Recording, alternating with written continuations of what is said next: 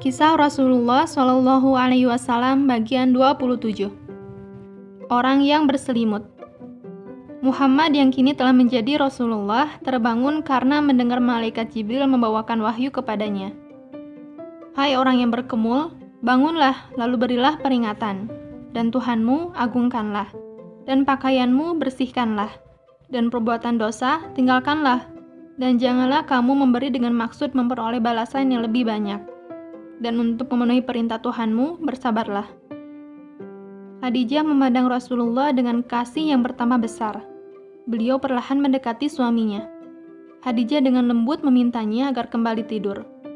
Waktu tidur dan istirahat sudah tidak ada lagi Khadijah. Demikian jawab Rasulullah.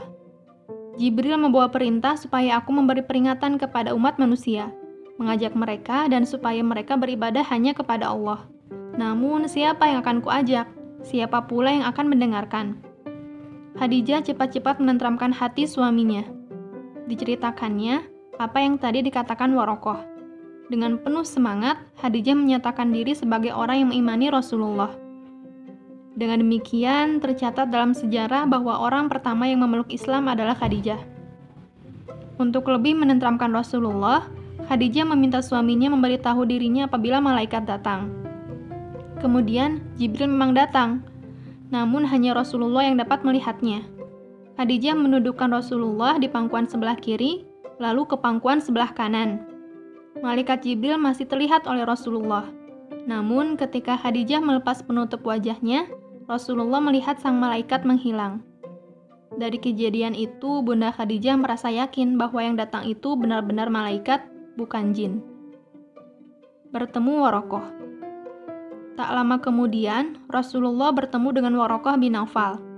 Saat itu, Rasulullah sedang melaksanakan tawaf. Rasulullah menceritakan keadaannya, dan Warokoh pun berkata, Demi dia yang memegang hidup Warokoh, engkau adalah nabi atas umat ini. Engkau telah menerima namus besar seperti yang pernah disampaikan kepada Musa. Pastilah kau akan didustakan, disiksa, diusir, dan diperangi orang. Kalau sampai pada waktu itu aku masih hidup, pasti aku akan membela yang di pihak Allah dengan pembelaan yang sudah diketahuinya pula. Kemudian Warokoh mendekat dan mencium ubun-ubun Rasulullah. Kini Rasulullah memalingkan wajah ke sekitarnya, melihat orang-orang yang menyembah patung-patung batu.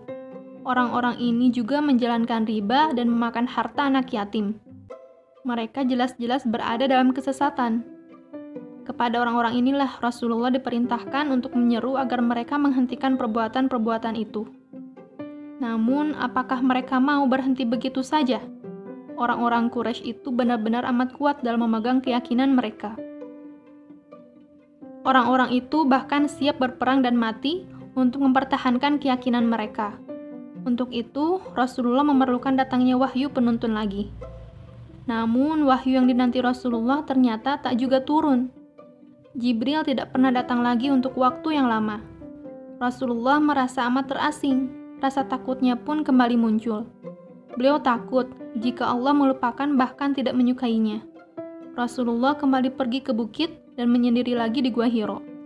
Ingin rasanya beliau membumbung tinggi dengan sepenuh jiwa menghadap Allah dan bertanya mengapa dirinya seolah ditinggalkan. Apa gunanya hidup ini kalau harapan besar Rasulullah untuk menuntut umat ternyata menjadi kering? Rasulullah saat itu benar-benar hampir merasa putus asa. Surat Ad-Duha Tiba-tiba wahyu itu turun. Demi waktu matahari sepenggalahan naik. Dan demi malam apabila telah sunyi. Tuhanmu tiada meninggalkan kamu dan tiada pula benci kepadamu. Dan sesungguhnya hari kemudian itu lebih baik bagimu daripada yang sekarang. Dan kelak Tuhanmu pasti memberikan karunia-Nya kepadamu lalu hati kamu menjadi puas. Bukankah dia mendapatimu sebagai seorang yatim, lalu dia melindungimu? Dan dia mendapatimu sebagai seorang yang bingung, lalu dia memberikan petunjuk. Dan dia mendapatimu sebagai seorang yang kekurangan, lalu dia memberikan kecukupan. Sebab itu, terhadap anak yatim janganlah kamu berlaku sewenang-wenang. Dan terhadap orang yang minta-minta, janganlah kamu menghardiknya. Dan terhadap nikmat Tuhanmu, maka hendaklah kamu siarkan. Quran Surat Ad-Duha ayat 1 11. Rasa cemas dan takut di hati Rasulullah kini hilang sudah. Betapa damainya firman Allah itu terasa di hati beliau. Rasulullah harus menjauhi setiap perbuatan mungkar dan membersihkan pakaian. Beliau harus mengajak orang mengingat Allah. Beliau harus tabah menghadapi gangguan, tidak boleh menolak orang yang meminta bantuan, dan berlaku lembut kepada anak yatim. Allah juga mengingatkan bahwa Rasulullah yatim. Lalu Allah melindunginya lewat asuhan kakeknya Abdul Muthalib dan juga pamannya Abu Talib. Dulu Rasulullah hidup miskin, lalu Allah memberinya kekayaan. Allah pula yang telah menyandingkan beliau dengan Khadijah, yang menjadi kawan semasa muda, kawan semasa beliau bertahanuts, kawan yang penuh cinta kasih, yang memberi nasihat dengan rasa kasih sayang. Allah telah mendapati Rasulullah tidak tahu jalan, lalu diberinya beliau petunjuk kenabian. Cukuplah semua itu.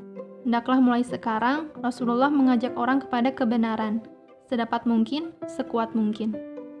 Bersambung.